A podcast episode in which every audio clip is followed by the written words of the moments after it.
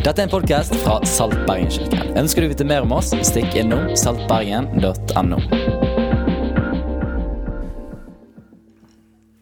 All right. Fantastisk. Takk for uh, veldig hyggelig uh, mottagelse, både intro og uh, applaus. det er veldig kjekt å være med dere, og uh, orda fra Gina om at vi står sammen, er veldig gjengjeldt. Går begge veier. Eh, fantastisk å vite om at Salt Bergenskirken er der. Og den inspirasjonen dere er for oss andre. Og fantastisk å ha et vennskap med Øystein som både styrker, og som jeg er lærer av. og ikke er redd for å si at jeg ser opp til, eh, fordi jeg lærer mye av han. Så, eh, så er det klart det er fint å få komme hjem til han nå og se tøflene hans. For de er ikke så kule som kona mi i starten, før hun ble vant til at, ble vant til at liksom Øystein og jeg var venner så strevde hun litt med å huske han, og da var det ja, er det han med de stramme buksene. Så, da, eh, men nå, nå, har jeg vist henne bilde av tøflene hans, og de er litt mer hverdagslige. Så jeg har fått han eh. Men eh, det jeg forsøker å si gjennom alt dette, er veldig glad i kirka deres, i pastoren deres, og glad for å være her i kveld. Det er jo sånn at jeg har ligget i trening siden Øystein spurte meg tilbake i februar om jeg kunne komme.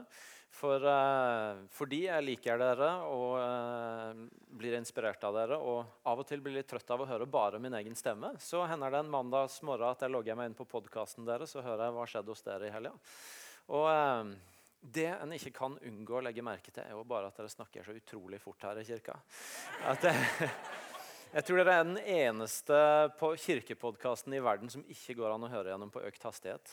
Du Vet, eh, de fleste av oss pastorer vi eh, snakker litt seint og vi tar litt pauser, så du kan kjøre på litt sånn økt hastighet på iPhone, men Bergenskirken det går bare ikke. altså. Eh, så mitt forslag til tagline for å selge den enda bredere, det er rett og slett den eneste kirkepodkasten i verden som får deg til å løpe fortere. Jeg sa, sa til forrige gudstjenestene, sier jeg gjerne til dere også, I 15 år har jeg snakka om at jeg skal løpe maraton. I september så er planen å gjøre det. Så lykkes jeg gjennomføre det, så skal jeg dedisere det til podkasten deres som en viktig del av oppkjøringa. Det er veldig bra. Du, eh, jeg syns Gina hadde en fantastisk eh, innledning på gudstjenesten i dag om at Gud er nær, og om pinsen som at Gud er nær. Og Det er egentlig det sporet jeg har lyst til å bare fortsette å gå videre i i talene i dag. Jeg har lyst til å snakke om pinse, jeg har lyst til å snakke om en Gud som er nær. Og så har jeg lyst til å koble det sammen med det som de siste åra har vært kanskje mitt viktigste hjerteslag i det jeg har holdt på med, det jeg har forkynt. Det jeg har opplevd har vært liksom den den greia Gud har lagt på meg å formidle hver gang jeg har fått sjanse til å reise et annet sted og si noe. Eh, og Det er det som handler om at du og jeg kan få bruke våre hverdagsliv til å leve i misjon. Sånn at andre mennesker kan få en smakebit av hvem Jesus er. Eh, tror så på det. Jeg skal si litt mer om det etter hvert, men jeg har lyst til å se hvordan det henger sammen med pinsa og med det som skjer i pinsa. Eh, men eh, jeg vil gjerne begynne med å fortelle en historie. Jeg er glad i historier, og jeg er spesielt glad i historier om folk som er på, på, et eller annet vis er med på å bringe forandring til verden. Og eh, jeg er inne i en uh, fin fase i livet. Siden 1.3 har menigheten hjemme gitt meg eh, permisjon. Eh, sabbatstid for å slappe av og lade batteriene og bli klar til de neste ti åra i tjenesten. så som en del av den tida så har, fikk jeg mulighet til å ta med familien Eh, kona Hildegunn og mine to barn Elia og Frida fem uker til Filippinene og eh, være plassert i ei kirke der. som egentlig ikke er så, eller gjør noe av det dere holder på med. De er ei kirke på mange steder. Så de har mange ledere som er planta rundt forskjellige steder i uh, Filippinene. Og, og, og bringer Guds rike til nye steder og ser mennesker komme til tro. Utrolig mye flott. Blant alle de flotte folka jeg møtte, så var det ett ektepar som gjorde spesielt inntrykk på meg. Og Det var på mange måter det ekteparet som, som kanskje menneskelig talt eh, hadde i, i, på måten vi ofte vurderer folk på, minst å fare med. De var vokst opp i en fattig bydel i byen vi var basert i, Los Baños. Eh, og bodde fortsatt i det huset de var vokst opp i. Det var foreldrene deres som hadde satt opp at de skulle gifte seg. Eh, og de hadde møtt, eh, møtt Jesus for noen, eh, noen, år tilbake, og livet hadde blitt forvandla. Og, og, så hadde de bare begynt å, å øse ut av det livet de hadde fått med Jesus, til denne bydelen. Som en fattig bydel hvor det var ganske mye trøbbel, mye kriminalitet. De sa at før så var bydelen var kjent som The Killing Fields. Eh, mange, mye arbeidsløshet, mange barn som ikke fikk eh, fullført skolegang. Og inn i dette her så kom de til tro, og så begynte de bare å, å så evangeliet egentlig i denne bydelen. Og, og uh, dyrke fram en menighet, en kirke som de kalte ei huskirke, men som egentlig var så stor at, at, det kunne i hvert fall vært en norsk menighet. for å si det sånn, med rekkevidden. Veldig artig å høre om. Han fortalte han pastoren som jeg sa, sånn Menneskelig talt så hadde det ikke gått seks år på teologi, som jeg har gjort. eller noen sånne ting. Han, han fortalte han hadde bedt Gud om ikke han kunne få en iPad, for det hadde jo alle de andre pastorene. men han hadde ikke råd til det. Og Så fikk han en iPad, men så måtte han på kne fortvile til Gud igjen. Ja, men Gud, jeg skjønner jo ikke hvordan jeg skal bruke han. men Gud hjalp han med det, så han, uh, han fikk gang på iPaden. Og så lå han på kne for Gud igjen. Gud, alle de andre pastorene har en bil, jeg har bare en moped. Kan du ikke gi meg en bil? Og så fikk han en bil. Så endte han opp på kne for Gud igjen. Ja, men Gud, jeg kan jo ikke kjøre denne bilen. men midt i denne her enkle, tillitsfulle troa til Gud, så fikk de se en bydel bli forvandla. De fikk se hvordan kriminaliteten gikk ned, de fikk se hvordan arbeidsløsheten både gikk bort, og hvordan egentlig ganske overnaturlig mange av de som jobba, fikk se framgang i det de gjorde. Og De fikk se gjennom at kirka hjalp barna, at der veldig få barn før hadde fullført skolegang, så gikk nå nesten alle barna ut av skole, og mange av dem med noen av de beste karakterene. Helt nydelig å se hvordan to mennesker med et liv med Jesus kan være med på å bringe en forvandling. Og så, og så fortalte de en del historier som definitivt utfordra en sånn eh, enkel vestlig fyr som ikke vokste opp med altfor mye mirakler. Eh, et av de som, som på en måte rista i mitt hode, det, det var fortellinga om denne dama som bodde der, og som skulle, eh, var høygravid og så hadde fått beskjed om at det trengtes keisersnitt for at fødselen skulle være trygg. Og, og Hun hadde ikke råd til det og en ordning for å få det gjennomført. Og Så kommer hun på det ukentlige bønnemøtet i menigheten, og så ber de for henne. og så skjer fødselen der og da under bønnemøtet. Og den går bra, og barnet kommer ut. Jeg traff mora og barnet og fikk på en måte bevitne at, uh, at det var reelt. Og se, ja, se bildene, ta dem Hør det rett. Jeg fikk ikke se så detaljerte bilder, men nok til å skjønne at det var skjedd en fødsel. Um, og Det er jo ganske heftig. ikke sant? Det utfordrer. Det strekker i hvert fall mitt hode. Hvis det strekker ditt hode, så er det greit. Fordi det er pinsedag i dag, og vi skal nå lese en fortelling fra Bibelen som som også er en fortelling om at det skjedde noe som var litt utafor boksen. Som var litt utafor det som en kunne forvente, det som var normalt, det som kanskje var komfortabelt og trygt. Men som samtidig ble startpunktet for en bevegelse som skapte stor forvandling i menneskers liv, i en by, i en region, etter hvert i land og nasjoner. Um, Fortellinga har et bakteppe, nemlig at vi har med å gjøre en gruppe disipler, etterfølgere av Jesus, som har gått med Jesus lenge, og som har vært med han i det han eh, gjorde i sitt virke, og som har sett nedturen for de når han ble hengt opp på et kors og døde og som har opplevd usikkerheten rundt det, men som også har fått se at han kom til dem som den oppstandende. Og Det står i starten av apostelens gjerninger hvordan de flere ganger fikk møte han som den oppstandende, og de fikk høre han undervise om Guds rike og det som hadde med Guds rike å gjøre. Og så gir han dem, før han blir tatt opp til himmelen, dette enorme oppdraget som vi også så på skjermen i stad. Nemlig at dere skal få kraft til å være mine vitner i byen, i landet og helt til verdens ender. Men så sier han noe annet veldig viktig til dem. Han sier men dere skal vente i Jerusalem. Ikke gjøre noe. Ikke gå noen steder, men vente i Jerusalem til dere har fått Den hellige ånd, sånn som jeg har lovt dere. Vent der. Og Det er de tro mot. Det holder de fast ved. Det står i kapittel 1, vers 14 at alle disse har holdt trofast sammen i bønn. Sammen med noen kvinner og Maria, Jesu mor, og brødrene hans. De holdt sammen, de venta som han sa. De holdt sammen i bønn. Og Så kommer dagen som det står om. Da pinsedagen kom, så var alle samla på ett sted. Plutselig lød det fra himmelen som når en kraftig vind blåser, og lyden fylte hele huset hvor de satt. Det er jo i seg sjøl å sitte der, kanskje hadde de bønnemøte, kanskje hadde de gudstjeneste, hva vet jeg, og så kommer det bare en vind som er så intens og lager så mye lyd at det drønner i hele huset. Og jeg bare ser for meg småbarnsforeldrene som prøver å få sånn øreklokke på barna sine for å beskytte de. Jeg ble veldig imponert på eh, forrige gudstjenesten her, at hos dere så har man jo øreklokkene liggende tilgjengelig klar bak. Så det hadde passa bra om pinsedag kom her. Jeg har vært forberedt for pinsedag. Og Så stopper det ikke der, men så står det at tunger som har ild, viste seg for dem, delte seg og satte seg på hver enkelt av dem. Og Det er jo litt ute av boksen. Det er jo litt snodig, litt sært. At det bare viser seg tunger av ild. Jeg vet ikke helt hvordan det ser ut engang. Ja, hvis det flagrer tunger av ild. Eh, som deler seg, og som setter seg på dem. Og så står det at da ble alle fylt av Den hellige ånd. Og de begynte å tale på andre språk ettersom ånden ga de å forkynne. Ganske merkelig opplevelse. Støyete lyd, vind, ildtunger som deler seg. Og så begynner folk å snakke en hel masse språk forvirrende, merkelig, uvant, utafor komfortsonen. Hva er dette her egentlig? Og, og, noen bare konkluderer med at dette stemmer ikke, dette går ikke opp. Noen har begynt tidlig å drikke i dag og er fulle selv om det er tidlig på dagen. Andre legger jeg merke til at ja, det som skjer, er jo ikke bare rart, utafor komfortsonen, snodig.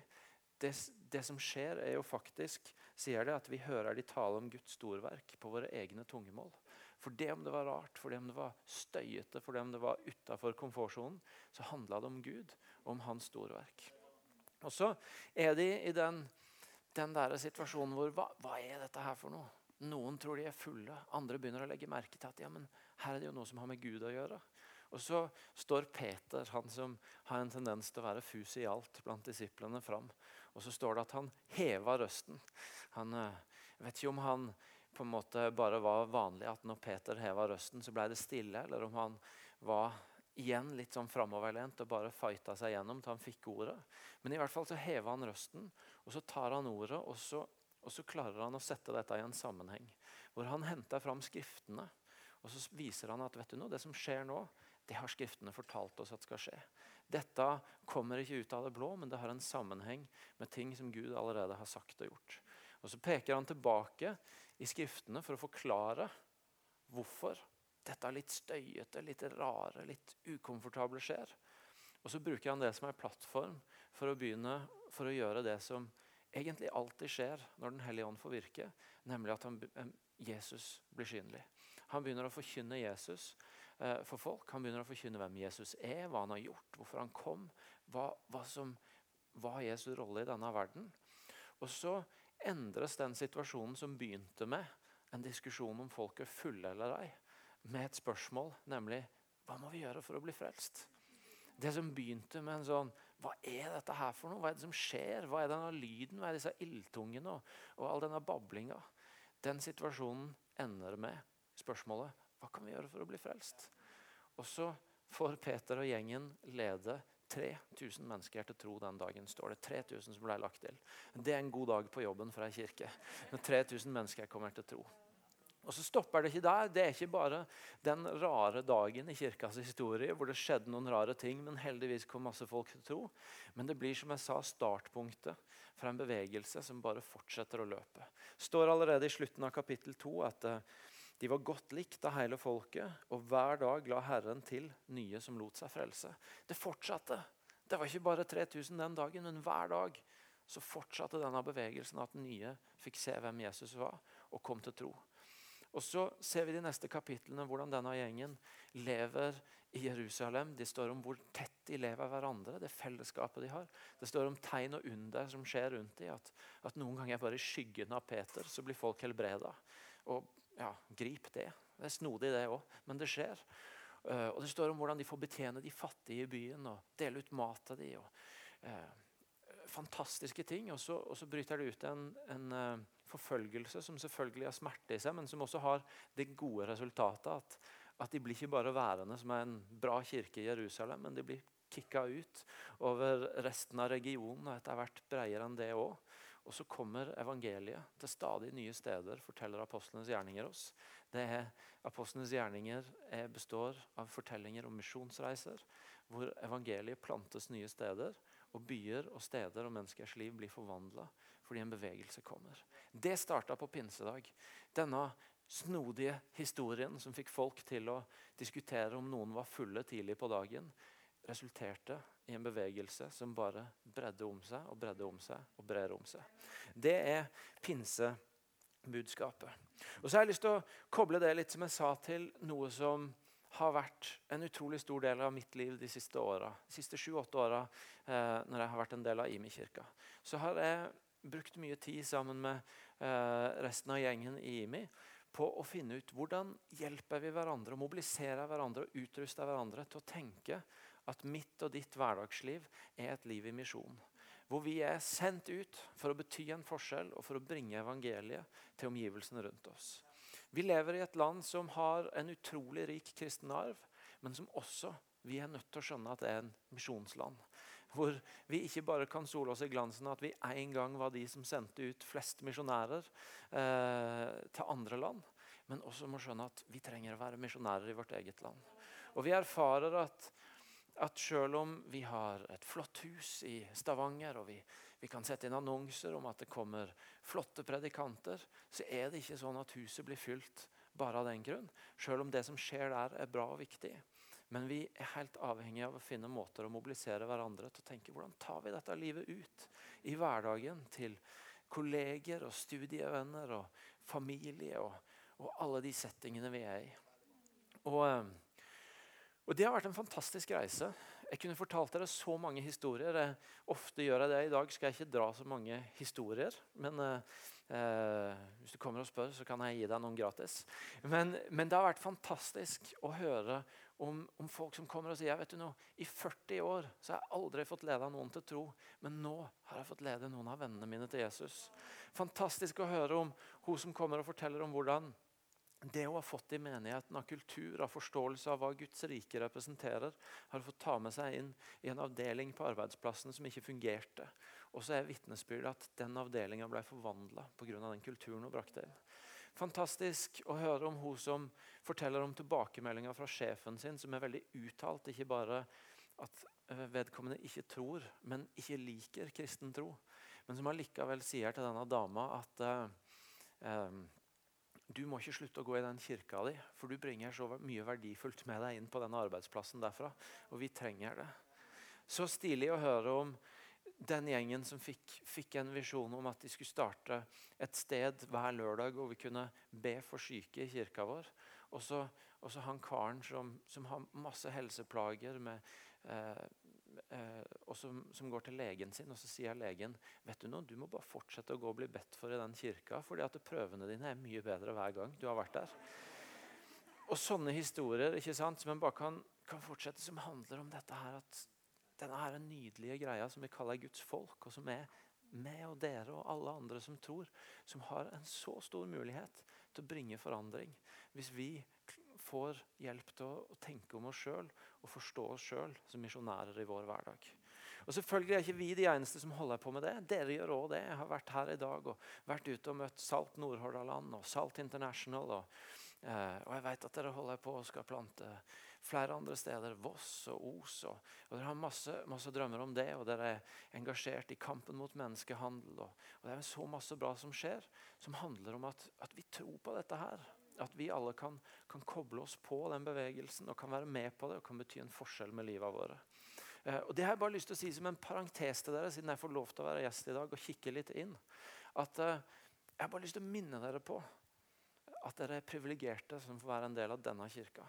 For noe av det jeg gjør, er å reise litt rundt og preike andre steder. Og jeg møter mange mennesker som er sultne, som har lyst til å være med på å bety en forskjell, men som strever med å finne en setting som de kan koble seg på, og hvor de kan få hjelp til å leve det livet.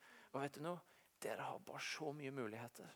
Dere kan komme her om kvelden og allikevel være med å plante menighet Nordhordland eller Os eller Voss eller hvor det måtte være, eller engasjere dere i andre ting. Og jeg bare lyst til å si, ikke, ikke rot med den muligheten. altså. Ikke skusle den bort, ikke bli for fornøyd. Men det, det er mange som hadde hatt lyst til å være i deres sted.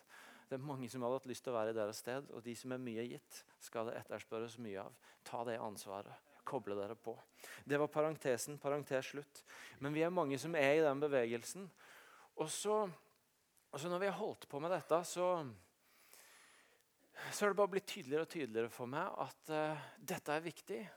Men skal det være liv i det, så er det nødt til å være noe annet enn vår egen push og drive og litt ekstra energi som er motoren for at dette skal leve i lengda. Det er nødt til å handle om noe annet enn at vi skal bli enda litt ivrigere kristne, enda litt mer framoverlente, enda litt mer energiske. Gi enda litt mer inn. Og så, og så tro at det er det som blir forandringa. Alt det er bra. Engasjement er bra. Push er bra. Det å ville noe er bra. Men hvis det alene er motoren, så går det et eller annet punkt, og så begynner det å lukte svette av det. Og så begynner det å lukte slit av det, og så er det ikke så attraktivt. Og så oppdager vi at vet du noe, det, det gode intensjoner, det kan komme mye bra ut av det, men det er ikke her kraften som forandrer verden, ligger. Kraften som forandrer verden, ligger ikke i vårt pågangsmot, i vår push, i vår energi. Det er gode ting å ha med på reisen, men det er ikke der kraften til forvandling ligger. Og Det er der selvfølgelig at pinse kommer inn i bildet. Fordi pinse er ikke en sånn snodig, rar hendelse som kommer ut av intet og skjer som et pang, og så forsvinner det igjen. Men pinse er jo en hendelse som, som kommer som en del av noe Gud hadde holdt på med lenge og som han hadde forutsagt at skulle skje, og som har en retning framover som fortsetter til den dag i dag. Pinse er ikke en isolert greie som, som, handler om en spesiell dag, hvor det både skjedde mirakler og folk kom til tro, men en del av en mye større historie. Og Et sted som kanskje kan hjelpe oss til å koble på den større historien, det er, å, det er å gå til et annet sted hvor Jesus snakker om disiplene sine, om oppdraget og om Den hellige ånd, som kom på pinsedag. I Johannes 20 så, så møter vi fortellinga hvor Jesus kommer og møter disiplene etter sin oppstandelse. Og Det står at de sitter bak låste dører. De er urolige. De vet ikke helt hvordan de skal forstå dette. De har gjerne hørt noen rykter om at, om at han er oppstanden. Og så står det at det, det var kvelden samme dag, og av frykt for jødene så hadde disiplene stengt dørene når de var samla. Da kom Jesus. Han sto midt iblant dem og sa, 'Fred være med dere.' Og Da han hadde sagt det, viste han de sine hender og sin side. Disiplene ble glade da de så Herren, og igjen sa Jesus til dem, 'Fred være med dere.' Som Far har sendt meg, sender jeg dere. Nydelig i seg sjøl at Jesus hilser redde disipler med fred. For det er alltid en nydelig hilsen å få inn i livet vårt og vite at Jesus er en som kommer og sier fred. Fred være med deg. Men så sier han dette som er så viktig for det vi prøver å gi et fokus i dag, når han sier som far har sendt meg, så sender jeg dere. Og Så står det at han ånda på dem og sa ta imot Den hellige ånd. Som far har sendt meg, sender jeg dere. Og så ånda han på dem og sa ta imot Den hellige ånd. Det Jesus gjør her, er at han kobler det oppdraget disiplene får, på det oppdraget han sjøl har hatt. Han setter det han har vært med på, og det de skal få være med på, i en sammenheng som blir til en veldig stor sammenheng. Og så kobler han Den hellige ånd på det. Så viser han at Den hellige ånd ikke bare er en sånn sidegreie på pinse, men at Den hellige ånd er veldig tett knytta til det oppdraget han sjøl hadde fått, og det oppdraget som eh, som vi får, og som disiplene fikk. Eh, I kirka vår når vi har vært i denne prosessen, så, eh, så er et ord som har dukka opp, og som jeg definitivt har vært en eksponent for å snakke om. og Før så brukte jeg det veldig ofte, og nå prøver jeg å bruke det bare når jeg må. egentlig. Og Av og til så tror jeg det dukker opp i kirka deres òg, og det er ordet misjonal. Eh, og Det er ikke et ord som på en måte kom fordi at nå var det så kjedelig å snakke om evangelisering. så vi måtte finne et nytt ord. Det er heller ikke et ord som kom fordi at nå har vi blitt så flinke til å ikke bruke rare kristne ord at vi måtte finne et skikkelig rart et. Men det er, men det er et ord som kom fordi det var noe vi så at vi trengte å oppdage om hvem Gud er, og hva misjon er. Eh, vi trengte å oppdage at, at, at dette her vi snakker om nå, om å om å bli med på det Gud gjør, om å, om å leve som misjonærer, om å bety en forskjell, om å bringe forandring til vår verden. Det er ikke meint å være budskapet om at jeg og du skal ta oss sjøl i nakken og gå ut og prøve så hardt vi kan å være litt bedre kristne og få best mulig resultater, og så skrive ut årsmeldinga på kristenlivet vårt og levere den foran Gud og spørre om han kan stemple den fordi han syns det var bra nok. Det er ikke sånn det var meint å være. Men det ordet prøver å fortelle oss noe om at den første misjonæren er Gud. Og at Gud er den som er i bevegelse mot vår verden, som sender mot vår verden. Fordi han, som Gina helt riktig sa, han er en Gud som er nær. Som kommer mot oss med et ønske om å være nær i alle situasjoner. Og Det betyr at å være en del av hans, eller det å leve i misjon, det å bringe forandring, det er et spørsmål om Gud. Hvordan kan jeg bli en del av din misjon? Hvordan kan jeg bli en del av det du gjør? Hvordan kan jeg koble, din, koble meg på din bevegelse? Og Det er det Jesus her sier. Han sier at vet du noe? Jeg kom ikke av meg sjøl fordi, fordi, jeg tenkte at nå får jeg ta min turn for å se om far i himmelen blir happy med meg. Men jeg kom fordi far sendte meg. Han sier andre steder at det jeg gjør, det gjør jeg bare fordi far ber meg gjøre det. Fordi jeg ser far gjøre det. Og så sier han at det er den bevegelsen dere òg går inn i. Det er den bevegelsen dere går inn i, hvor, eh, hvor dere kobler dere på det far gjør. Og så blir dere en del av det. Og du vet, det at Gud sender sin sønn til verden, det er et utrolig sterkt uttrykk for at Gud er en Gud som ønsker å være nær i denne verden. Et veldig populært sitert vers fra en bestemt engelsk oversettelse av Bibelen etter hvert er Johannes 1, hvor det står om at Gud, eller ordet, flytta inn i nabolaget. At ordet ble kjøtt. Jesus ble kjøtt, som meg og du. Og så flytta han inn i nabolaget.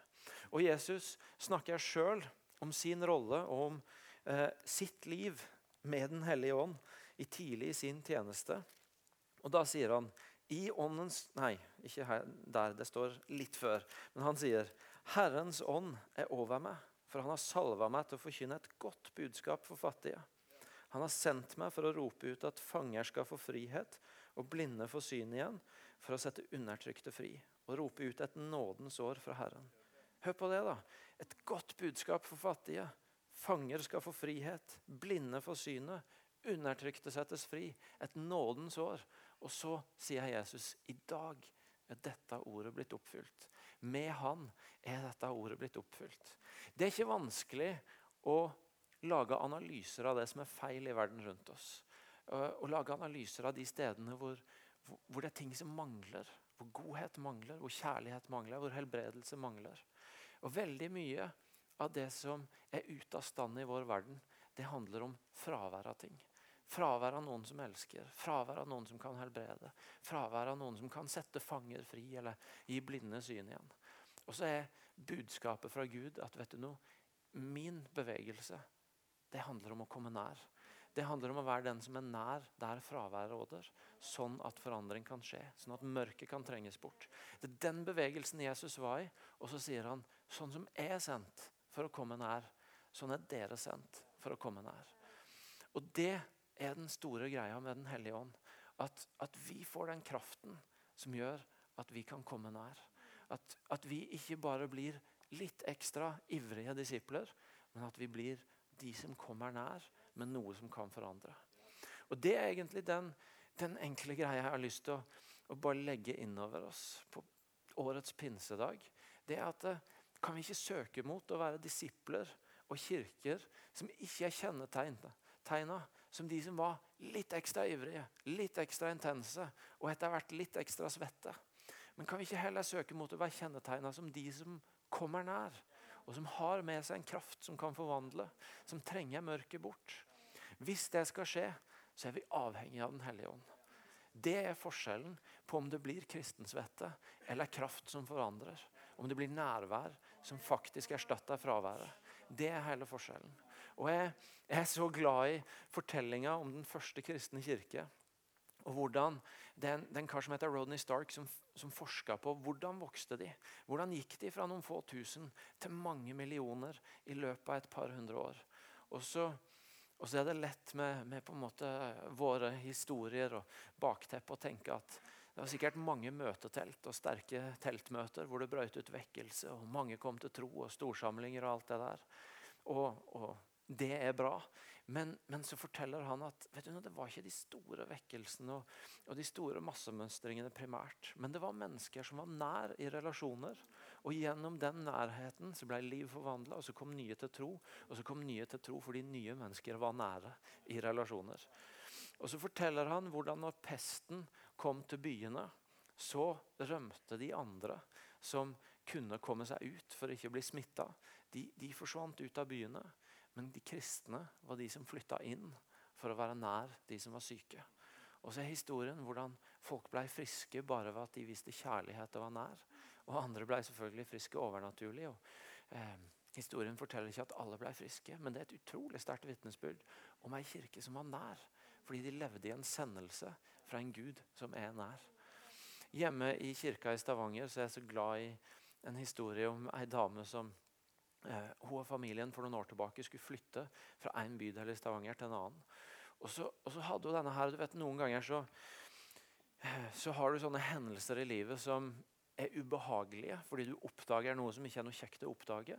Men som hvis du forvalter det rett, så kan det bli til noe utrolig bra allikevel. Du, du blir oppmerksom på noe som sånn har jeg ikke lyst til at det skal være. Og Hvis du bare forvalter den læringa rett, og ikke lar den primært bli til nederlag og skam, men til læring, så kan det faktisk bli til noe veldig bra. Og Hun opplevde at når de flytta, så så hun at vet du noe, det er jo ingen i vårt nabolag egentlig som kommer til å savne oss. Som har en opplevelse at 'å nei, nå flytter den familien'. Og så bestemte hun seg for at det skal jeg ikke la skje igjen. Det vil jeg bare ikke godta. At vår familie og vårt liv som Jesus etterfølgere skal være så anonymt at hvis vi flytter, så er det egentlig ingen som tenker over det. Så De flytta inn i den nye gata si, og, og de bare ga seg til det livet. Om å være utsendinger der. De åpna middagsbordet sitt. Hun satt ved sykesenga til naboen som var kreftsyk. Hun gikk tur med de som sleit i ekteskapet. De arrangerte fester. Og plutselig så, eller ikke plutselig, men over tid og gjennom trofasthet i dette, så, så ble huset midtpunktet i gata. Hvor folk møttes, og hvor hun hadde en enorm inngang. Og hvor det definitivt kan sies at hvis den familien flytter, så kommer gata til å merke det. Men det er ikke en fortelling om ei dame som plutselig fikk det perfekte kristenliv, hvor alt var ovenpå, hvor kraften var sterk og, og alt var flott. Det er en fortelling om ei vanlig dame som midt i livet sto med sine utfordringer og hadde sine dårlige dager og, og alt det der. Men som fikk leve i en sendelse fra en Gud som er nær, og som fikk leve med en kraft fra en Gud som vil nær. Og det er forskjellen. Og det er det jeg har lyst til å bare dytte oss mot sammen i dag. At vi at vi ikke går i kristensvettefella fordi vi har så lyst til å bety en forskjell. Men at vi, at vi plasserer oss sånn at vi får ha med oss den kraften som faktisk forvandler liv og mennesker og byer og bygder. Og Det er muligheten. Og så kan det se veldig forskjellig ut hvordan ånden virker. Noen ganger så leder ånden oss til nye steder og nye personer. Noen ganger så gir han visdom til å tale inn i ting. Jeg tipper at ånden hadde en finger med i spillet når Peter heva stemmen og bare la ut hva dette handla om. Jeg er ikke sikker på at han hadde det helt på plass sjøl, men med ånden så fikk han den klarheten han trengte. Eh, noen ganger så gir ånden kraft til å fortsette når vi egentlig ikke orker sjøl. Noen ganger så handler ånden overnaturlig, sånn at noen blir helbreda, blir født på et bønnemøte eller opplever at prøvene blir bedre eh, fra, fra, sykdommene fordi noen ber for henne. Eller vi hørte en arm som ble blitt frisk i, i vitnesbyrdet her tidligere. Profetiske ord. Noen ganger så tror jeg ånden virker bare rett og slett gjennom at åndens frukter i våre liv får bety en forskjell. Galaterne 5 om glede og fred og overbærenhet. og det der, Når det får komme inn i en situasjon, så bringer det en forskjell. Ånden virker forskjellig, men det er det som er forskjellen. Det er det som er forvandlingskraften vi er gitt for å bety en forskjell. Så hvordan lever vi i det? Jeg tror ikke egentlig det er så himla komplisert. I hvert fall ikke hvis vi leser hva som skjedde rundt pinse. Da det som, det som, vi møter der, er egentlig ikke noe du trenger en hel bok for å få lagt ut, eller, eller, eller, masse greier. Men det er egentlig noen enkle steg hvor det står om at de venta. Jesus ga dem beskjed om å vente, og så gjorde de det. Det sto at de trofast holdt sammen og ba. Og så venta de som Jesus hadde sagt. Og så, på ett punkt, så kom ånden. Og Det er etter hvert en klisjé å snakke om at Eh, vi lever i en tid hvor alt er travelt, og hvor vi prøver å trykke alt mulig inn, og hvor vi hele veien får inntrykk og alt det der. Men det er likevel en sannhet som gjør at det er nødvendig for oss å spørre hvor er venterommene i livet våre? Hvor er de punktene hvor vi venter på at Ånden får komme og gjøre sitt virke med oss? Det er så lett å være utålmodig og tenke at ja, nå, nå, har du sjansen din, Gud, så nå får du få fart på det. Jeg sitter oppe om morgenen og tenker at nå har jeg kvarter 20 minutter før ungene våkner, så er det liksom Kom an, Gud, få gang på det. Nå har vi, nå har vi noen minutter her. Hvor er venterommet? Hvor er de punktene hvor, hvor, det er mulig å bli stille? Hvor det er mulig å falle til ro? Sånn at Ånden får gjøre noe hos oss. Jula har sin advent, hvor vi gjør oss klar til jul. Påska har sin faste, hvor vi gjør oss klar til å ta imot det Jesus gjorde på korset. Og så Pinse kommer ofte bare sånn plutselig midt imellom nasjonaldager og konfirmasjoner. Men, men hvor er punktet hvor vi venter på at Ånden kommer? Hvor er venterommet i livet ditt? For der kan du få kraften fra det høye som gjør at livet ditt kan bli til forvandling. Eh, gjennom denne studiepermisjonen så har jeg fått møte forskjellige ledere som jeg har fått se på. Og De har hatt veldig forskjellige språk. Den ene har snakka om sentrerende bønn, og den andre har kalt det soaking, og en har snakka om Guds nærvær. og Alle orda er sikkert egentlig litt rare, men, men greia har vært det samme, nemlig at de har rydda plass i livet sitt til å vente. Samme hva du kaller det. Men hvor er venterommet? Og når de har venta, så tar de imot det ånden gjør. Når ånden kommer, og noen ganger så kommer ånden stille, nesten umerkelig. Du er nødt til å være stille for å egentlig merke det. Og Andre ganger så kommer ånden litt støyete, som han gjorde denne dagen. Med lyd og med rare ting som var mulig å se. Og så tar de det imot. De stenger det ikke ned. De prøver ikke å rasjonalisere det. De prøver ikke å ta æren for det og si at ja, dette er nok fordi vi har bedt så bra så lenge. Men de bare tar det imot. Og Det er også en utfordring for oss å, å være villig til å bare ta imot det Ånden gjør. Og ikke nedvurdere den åndeligheten som er stillfaren, og hvor Ånden gjør sitt virke i det stille. Og heller ikke bli så redde for den som av og til støyer litt, at vi stenger den av.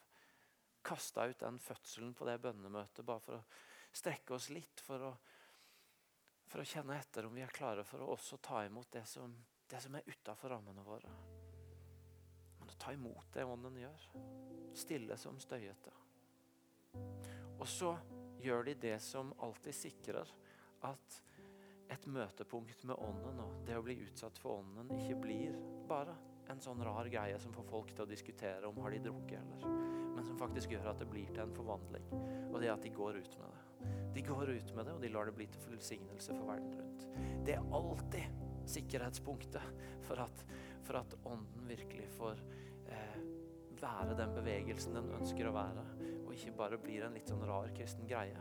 Det at vi tar det med ut. Det at vi bringer det ut til folk. Det som Ånden gjør i våre liv. Så hvor er venterommet? Ta imot, og så ta det med ut. Og så kan livet ditt få være et liv som det ikke lukter kristensvett av, men som bringer med seg et nærvær som det er kraft til å forvandle i. Takk for at du har lyttet til podkast fra Saltbergenkirken. Vår visjon er å lede mennesker til et nytt og bedre liv gjennom etterfølgelsen av Jesus. Følg gjerne med på hvordan vi realiserer dette, og hvordan du kan delta ved å besøke saltbergen.no.